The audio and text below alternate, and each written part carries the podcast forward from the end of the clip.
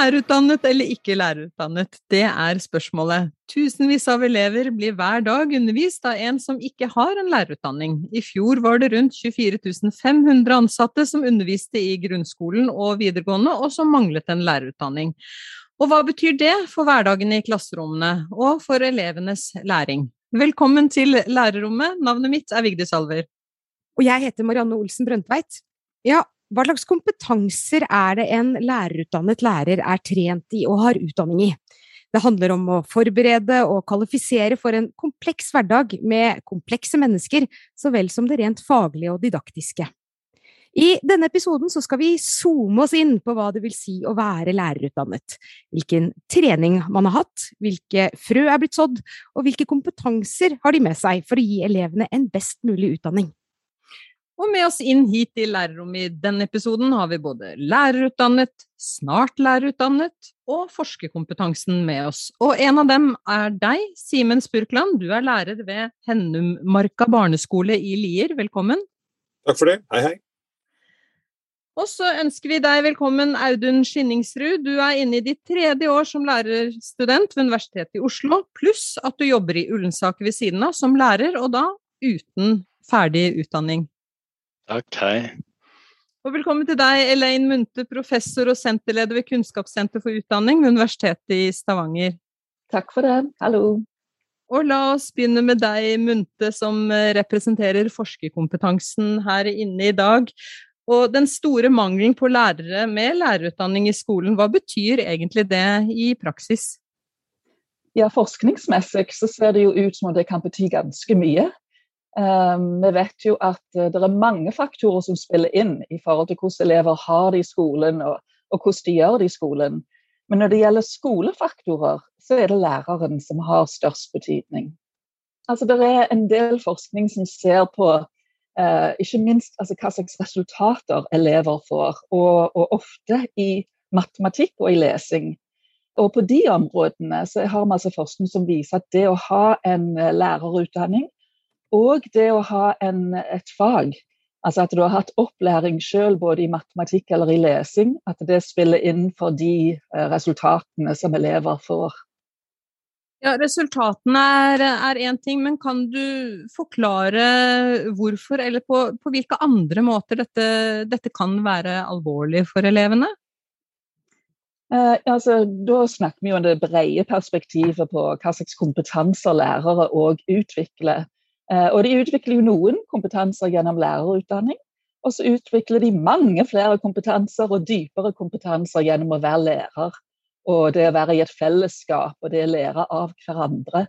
Eh, og, og det handler jo litt om det å, å kunne se hele mennesket, og, og, det å være opptatt av eh, menneskers vekst. Og forstå hvordan små mennesker og store mennesker tenker. hvordan de oppfører seg, hvordan de lærer. Eh, og hvordan det er mulig å, å, jobbe med dette på gode måter som gjør at de både trives og, og mestrer og, og, har det godt. Og Dette er jo både psykologisk kompetanse, det er pedagogisk kompetanse, det er faglig kompetanse. Det er veldig mange forskjellige områder som en utvikler som lærer, og som er, som er viktig for lærere å ha. Og òg spesialkompetanse som lærere har, som ingen andre har. Audun Skinningsrud, Hvorfor ønsket du deg denne utdanningen? Det er litt sammensatt. Um, jeg hadde lyst på en viktig jobb. Jeg brukte litt tid på å finne ut av hva jeg hadde lyst til å drive med. Så jeg venta en stund før jeg begynte å studere. Jeg er jo 29 og jeg er på tredjeåret mitt nå. ikke sant? Jeg har ikke studert noe før det heller. Men uh, jeg vil ha en viktig jobb, og jeg er jo en av de som er av den oppfatning av at Eh, jeg syns dette er en av de viktigste jobbene i hele verden. Og den vil jeg gjerne ha, og jeg vil være en del av det. Jeg um, eh, jobba litt med ungdom før, og jeg fant mye mening i det. Så tenkte jeg at dette her kan jeg gjøre noe med, da. Her kan jeg bety noe. Og derfor så har jeg valgt å gå den veien her. Men hvordan vil du si at du har utviklet det da som lærer i løpet av disse årene du nå har vært i utdanning samtidig? det er jo litt vanskelig for meg å sette så veldig godt ord på hva som kommer fra lærerutdanninga, hva som kommer av erfaring, med tanke på at jeg har jobba uh, som lærer ved siden av. Først litt som vikar på, på barneskole, og så nå i ungdomsskolen mer, mer fast. da. Men jeg, jeg, tror nok at uh, når det kommer til studiene, så er det dette her med en sånn slags altså Mest en bevisstgjøring av hva det egentlig innebærer, og hvor stor den rollen er, hvor kompleks den er. fordi det jeg var ikke klar over det når jeg starta, og nå har jo ikke jeg hatt så fryktelig mye av de pedagogiske emnene og fagene enda. Jeg har vel egentlig bare hatt, en, uh, hatt et semester. Det meste andre er fag, uh, fag for meg. Mm. Så jeg er jo veldig spent på hva som kommer òg, da. Mm. mm. Ja, for, nå, for nå utdanner du deg foreløpig mest innenfor de ulike fagene, og profesjonsstudiet har ikke utgjort den største delen som du sier, av utdanninga di foreløpig. Og I tillegg så fikk du en relativt spesiell eh, praksisperiode under pandemien. Eh, men hva håper du da at lærerutdanningen skal gjøre for deg i tiden framover? Jeg håper å bli enda sikrere i, i jobben min uh, og føle at jeg gjør det riktige. For jeg, jeg, støtter meg jo veldig mye på de ferdigutdanna lærerne her. Jeg gjør jo det. Dette er jo et samarbeid. ikke sant? Å jobbe på et trinn, ikke sant? ha masse kollegaer som veit hva de driver med. Og det må jeg bruke, ikke sant. Jeg, jeg, må, jeg føler jo at jeg gjør en uh, god jobb, men jeg må jo også innrømme at jeg sitter jo ikke på all den kompetansen jeg sikkert burde ha. ikke sant? Og så gjelder det å erkjenne det. da. En av de viktigste jobbene i hele verden, sa Skinningsrud her. Og Simen Spurkland, det er noen år siden du var en nyutdannet lærer som sto i klasserommet.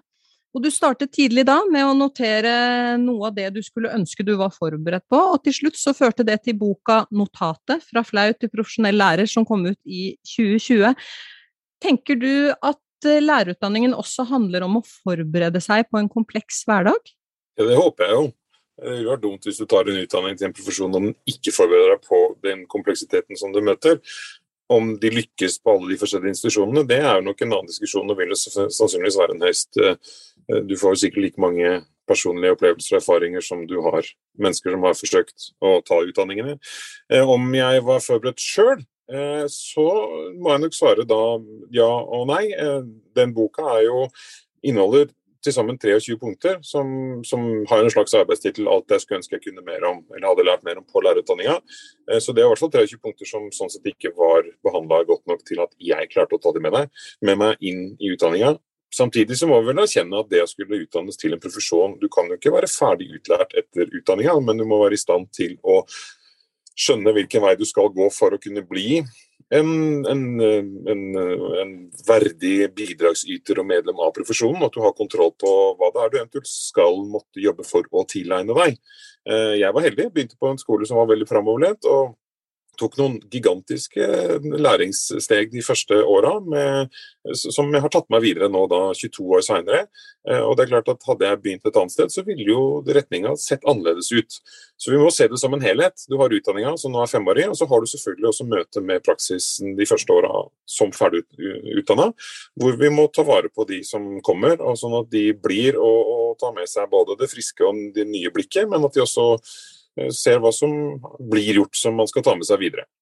Det både Elaine og Audun var inne på her, handler liksom om det der med, med, det som jeg lærte meg da jeg tok masteren i 2013-2015, som jeg da tok eh, må vel kunne si å være voksen alder, altså jeg var 40 da jeg leverte masteren. Eh, og litt det Audun sier nå, han, han, han, vet ikke hva som skilles mellom hvor skillet mellom erfaring og utdanning går. Jeg hadde med meg 13 års utdanning inn i masteren og hadde en hel haug med knagger som da jeg kunne teoretisere. Og det Å skjønne den domenespesifikke kompetansen, altså hva vi som profesjon skal være spesialister på, det skjønte jeg først da, etter å ha vært lærer i 15 år.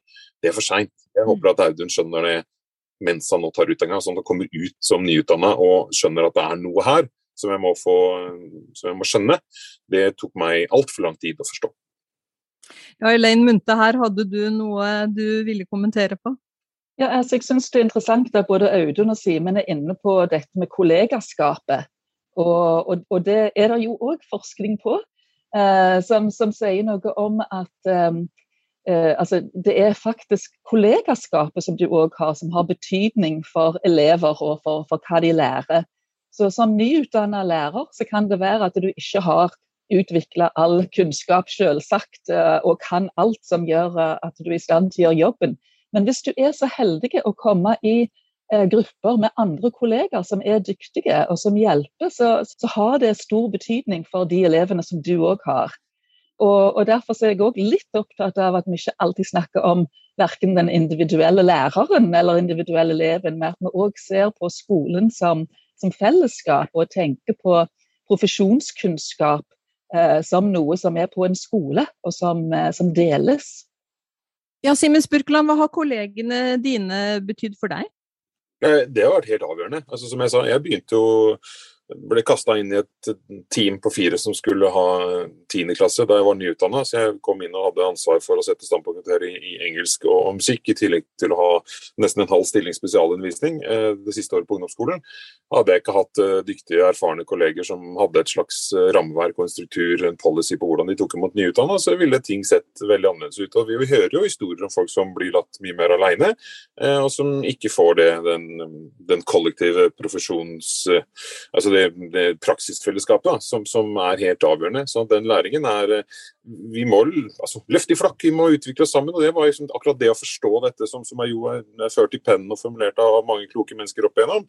Men, men det å da liksom faktisk eh, være en del av det lærende fellesskapet er, er, absolutt helt avgjørende, og var helt eh, avgjørende for min del essensielt for, for at jeg har fortsatt er i jobben, tror jeg. Mm.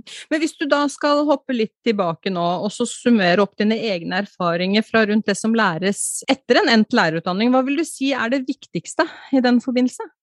Oh.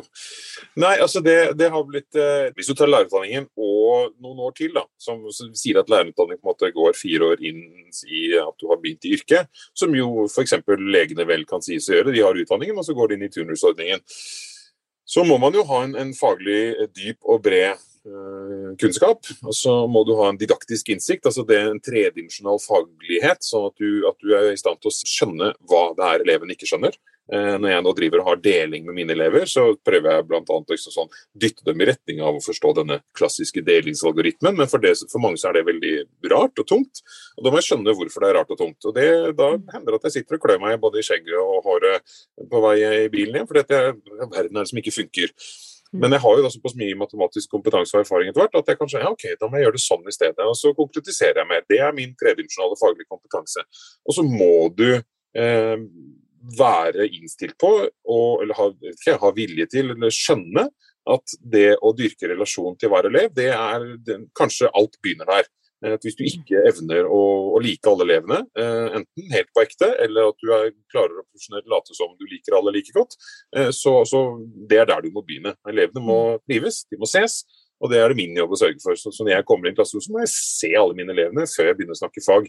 Eh, og, det, liksom, det, og det, ikke, det, er jo ikke bare noe jeg finner på sjøl, eller som på erfarne lærere sier. Det står i overordna del. Siste setning i overordna del sier nettopp dette her. At hver elev er ulik, og, hva som er elevens beste, er et stjernespørsmål i mm. all eh, undervisning og opplæring. Og det spørsmålet skal besvares på nytt hver dag.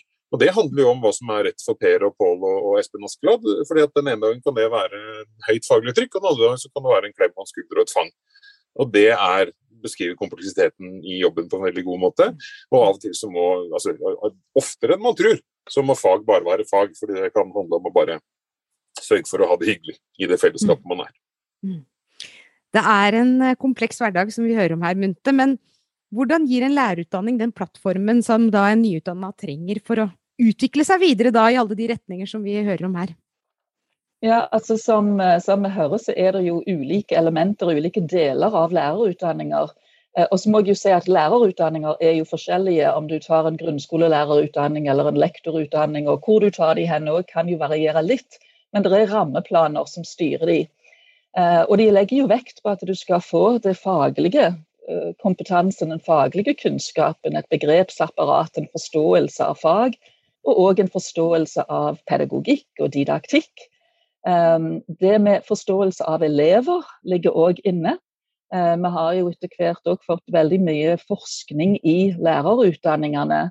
Eh, og òg forskning som er veldig praksisnær, og som er ute i klasserommene, og som, som gir studenter òg muligheter til å Eh, være kritiske, analytiske.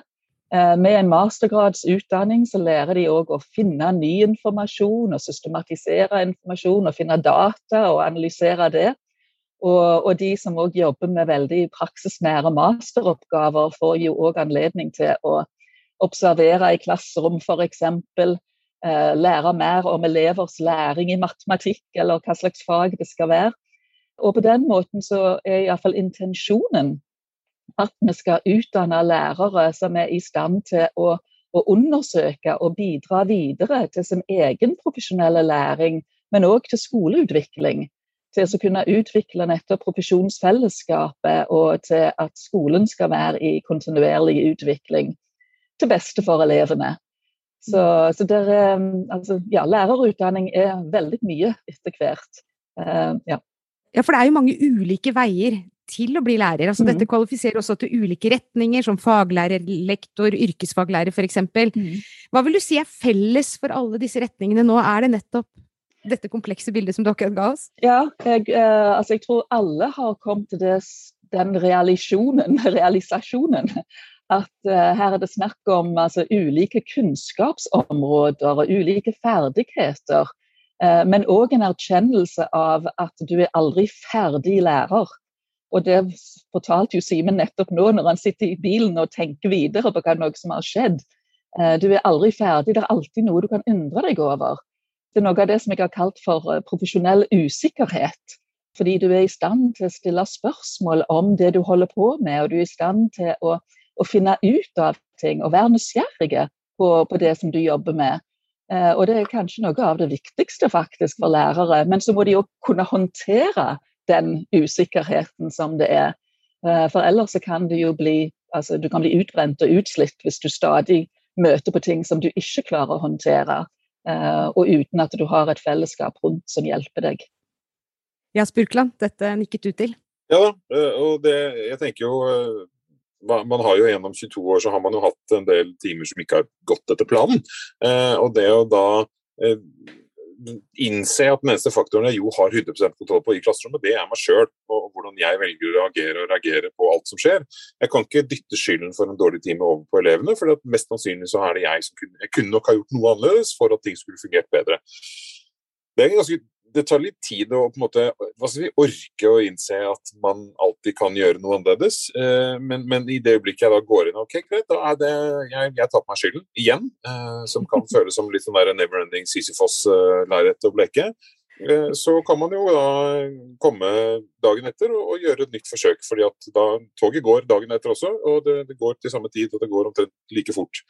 Og så er det også noe med å godta at ting tar tid. Altså Det er flere som har, som har formulert gode ord om skoleutvikling. og det, det, jeg har lagt meg mest sånn på minne, det er jo at ja, det å utvikle god praksis, det kan ta kjempelang tid. Det er mange år siden, ti år siden, jeg på en måte gjorde min første sånn etterutdanningshopp fra 15 til 60 studiepoeng i matte. Eh, og gjorde da radikale endringer i undervisningen.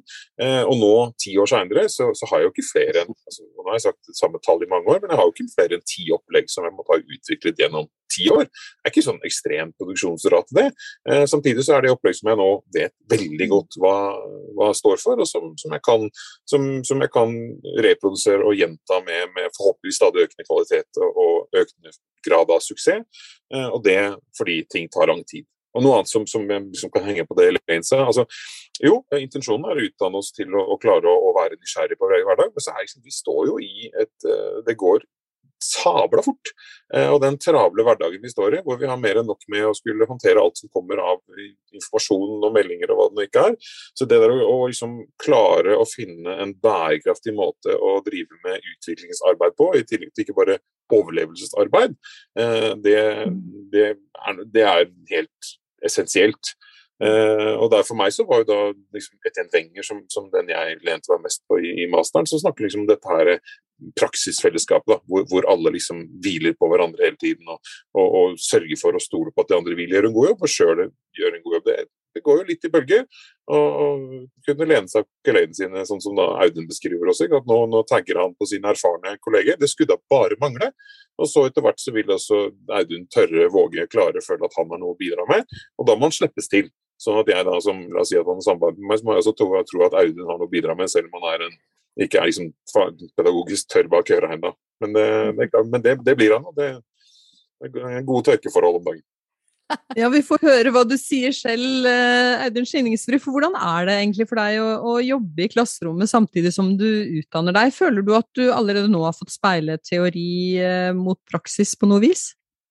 Ja, på, på en veldig fin måte også. Eh, nå, nå, fikk jo jeg en litt sånn avstumpa praksis, eh, dessverre. Men eh, det at jeg jobber i, i skolen mens jeg tar utdanning, det er eh, det er et gode. Altså, fordi man, eh, ja, Simen nevnte det, dette med at man gjør seg noen sånne refleksjoner hele tiden, hver dag, ikke sant, om hva som har skjedd i undervisninga, hvordan man kan gjøre det annerledes og sånn. Og det å da kunne speile det opp med, med, teori og, og, alt jeg møter på i studiene, det er, uh, det er en veldig fin ting. Uh, det kan bli litt mye å tenke på innimellom, men det tror jeg er nødvendig. Men, men, hva vil du si skal til av personlige egenskaper for å både ville og, få til den utviklingen vi snakker om nå, inn i dette yrket, inn i denne profesjonen? Ja, nei, Det er jo litt vanskelig, det. Jeg kan jo på en måte bare snakke for meg sjøl. Men det er jo en, en, motivasjon og en vilje som må til. da. Jeg snakker om personlig egenhet. Så det er jo så mange forskjellige lærere. Og det er en veldig fin ting, for det er jo så mye forskjellige folk. Det er så mye forskjellige elever. Og så det å eh, det handler litt om eh, når personer møtes, så kan det noen ganger bli litt krasj, og noen ganger så klinsjer det veldig bra. Men man kan ikke forvente av folk at man skal passe med alle, og da er det fint at vi er så forskjellige. Da. Så personlig egnethet da, det handler vel mer om at man virkelig vil, da, man vil se folk og være en slags omsorgsperson i tillegg da, til å være denne faglige figuren. Spurkland, er dette noe du er enig i? Jeg sitter og nikker på meg en lett nakkesleng. Ja, det, er, det er et kjempepoeng med, med, med, at det skal være et, eh, et variert altså Man skal møte en variert altså et snitt av befolkningen også fra, fra lærerrollen. Men, men, jeg tror kanskje Audun også er inne på noe som for meg har er en slags kjepphest. altså det, og det er jo at Han har skapt sin egen kanskje perfekte balanse i utdanningen. altså Ved å, å gi seg sjøl en praksis slik praksisen kanskje burde vært. Eh, fordi Han står i et klasserom, og står i en, en skolehverdag, og så er han samtidig i en, en, en teoretisk eh, altså en, eh, studiesituasjon hvor han får mulighet til å reflektere over og til å, til å bruke de knaggene som man erfarer i klasserommet, til å, at det, teorien gir mening. og Det var min egen opplevelse også da jeg etter 13 år tok masteren. at Jeg, bare, jeg hadde en hel haug med ting som jeg kunne hektet på. Jeg kunne også arresteres på en del ting som var litt sånn læreruvaner som jeg tok med etter 13 år, som ble korrigert fra, fra forskningshold. Selv om jeg da var sur akkurat når det skjedde, så skjønte jeg etter en tid at det var, at det var klokt. For, for, jeg tenker jo at praksisen kanskje kunne, er et viktig sted å starte når man skal utvikle, man skal utvikle lærerutdanningen. Um, jeg søkte på et studium i, i Danmark da, i hine åre dager, altså i forrige årtusen, og, og der var det til sammen ett års lønnet praksis gjennom treårsstudier. Altså fordelt i tre bolker på to, to på tre måneder og ett på et halvt år. Så jeg, det er jo, Hvis nå Audun i tillegg kunne vært ute på en måte det, det han nå gjør på et slags eget initiativ for å kanskje holde hodet økonomisk over vannet, det vet jeg ikke, men denne jobben ved siden av studiet, eh, er jo, burde jo vært en del av studiet. Og så kunne man heller lagt på et år eller to da, men at du nå fikk faktisk seks måneder lønnet praksis, i stedet for å nå da ha det som en sidejobb og sikkert da jobbe 150 da, i stedet for de 100 som det burde være. Så For meg så ligger det mye i den der praksistilnærmingen. som Jeg hadde praksis i grupper. og på en måte Jeg fikk aldri kjente, kjenne ordentlig på den, den lærerskoa når den klemte, for vi var fire stykker som, som bar ansvaret alltid. Og, og, og, det var spennende og lærerikt, men, men, men praksissjokket da jeg kom ut og var ferdig lærer, det var stort og større enn det kanskje burde være. Audun Skinningsrud, du har jo nevnt noe selv, og, og, de andre gjestene her har også nevnt noe om det. Men hvilke tanker har du så langt gjort deg med rundt hva den gode læreren er? Den du er i ferd med å bli, da?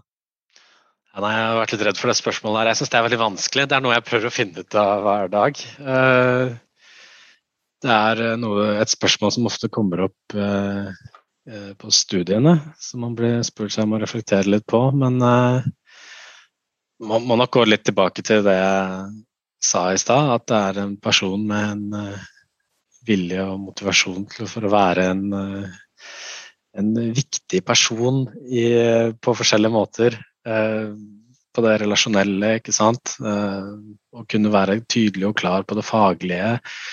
Man kan på en måte brette veldig mye ut om det her.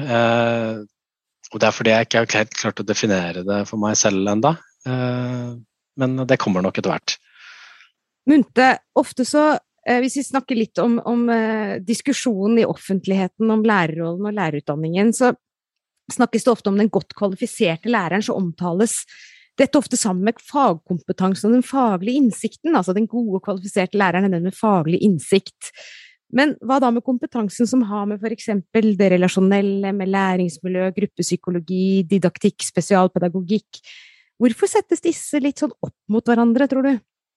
Uh, ja, jeg vet ikke hvorfor de settes opp mot hverandre, fordi de er jo like viktige, for å si det sånn. Det er jo altså, ulike aspekter ved faglighet.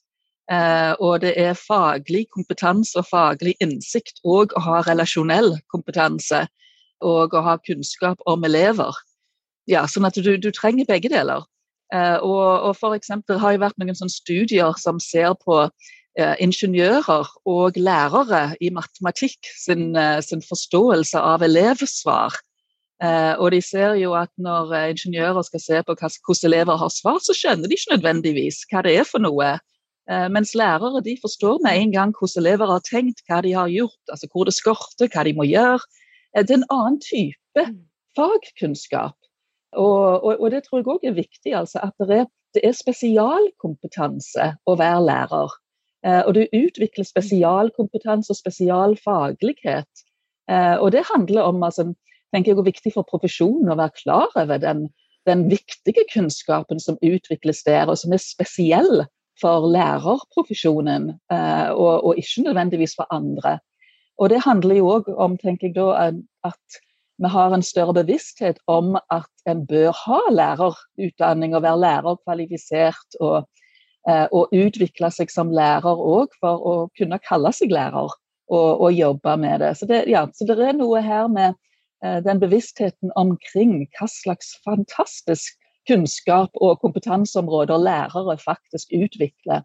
Har det ikke nødvendigvis når de går ut med en gang i skolen, men, eh, men de har et grunnlag som de kan begynne å bygge videre på.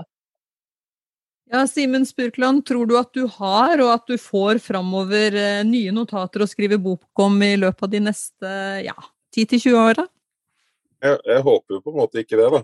Uh, jeg tenker at det er vi er jo i altså Elena er inne på det, liksom dette med at vi, det skal, vi skal ha en, en, en, tydelig spesialisert kompetanse som vi skal inne, og den er jo heller ikke den er, den er jo ikke statisk, den er dynamisk. Den er jo i stadig utvikling. og det nå etter å ha vært lærer siden 2000, så er det klart at det, det har jo skjedd noe med lærerrollen. Altså Én ting er alt det som skjer eh, ovenfra og ned, som er at ting kanskje oppleves som travlere og mer at, at forholdene har endret seg sånn sett, men, men, vi har jo også blitt flinkere. ikke sant? Jeg er en flinkere lærer, og det er mer rom for å være den eh, flinke, eh, relasjonsfokuserte læreren som, som, før var mer på kanskje, kanskje på, på ideologi, som nå er en del av det styrende overordnede at vi skal dyrke relasjon til, til elevene våre.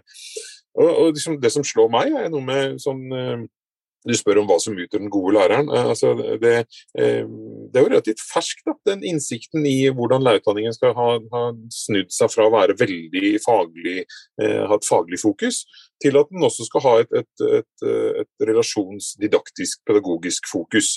Eh, sånn at Før så holdt det å være god i faget, eh, nå må du også være god til å da kunne se faget som en helhet. Dette som jeg snakket om tidligere med den tredimensjonale tilnærminga. Og så er det et tankekors at Du skal ikke så langt tilbake før lærere svarte på spørreundersøkelser at de mente at de kunne utøve yrket sitt uten å forholde seg til forskning. Eh, jeg var sjøl sånn inntil jeg tok masteren. Var liksom sur på forskerne, syntes de bare var dumme egentlig, og sa slemme ting om skolen. Og ble irritert hver gang sånn, noen sa forskning viser at. Så tenkte jeg nei, hadde jeg lyst til å svare.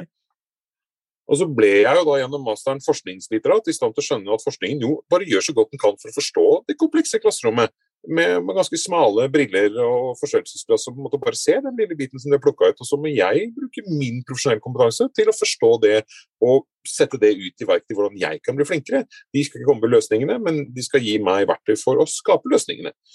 Og den forskningslitterate holdningen der, den, den, hadde jeg jo ikke da jeg gikk ut fra lærerskolen. Den håper jeg kanskje at kan følge med at de nå tar den masteren som Helene er inne på. At uh, de som kommer ut nå i større grad uh, i stand har vært til å kunne se på sin egen praksis da, med mer forskningslitterate briller, og dermed komme kjappere til den forståelsen enn jeg klarte, da, som tok 15 år. Vi heier på brillene og den dynamiske hverdagen. Eh, takk til deg, Simen Spurkland, og lykke til med eventuelle nye notater. Eh, takk til deg også, Elaine Munthe og Audun Skinningsrud, for at dere var med som gjester her i Lærerrommet. Nå sier vi takk for oss. Men vi er tilbake med en ny episode med et nytt tema hentet fra utdanningsfeltet om ikke lenge. Tusen takk til dere som eh, lytter på episodene våre av Lærerrommet og følger med. Det blir vi veldig glad. Dere blir stadig flere. Ha det riktig bra. Ha det.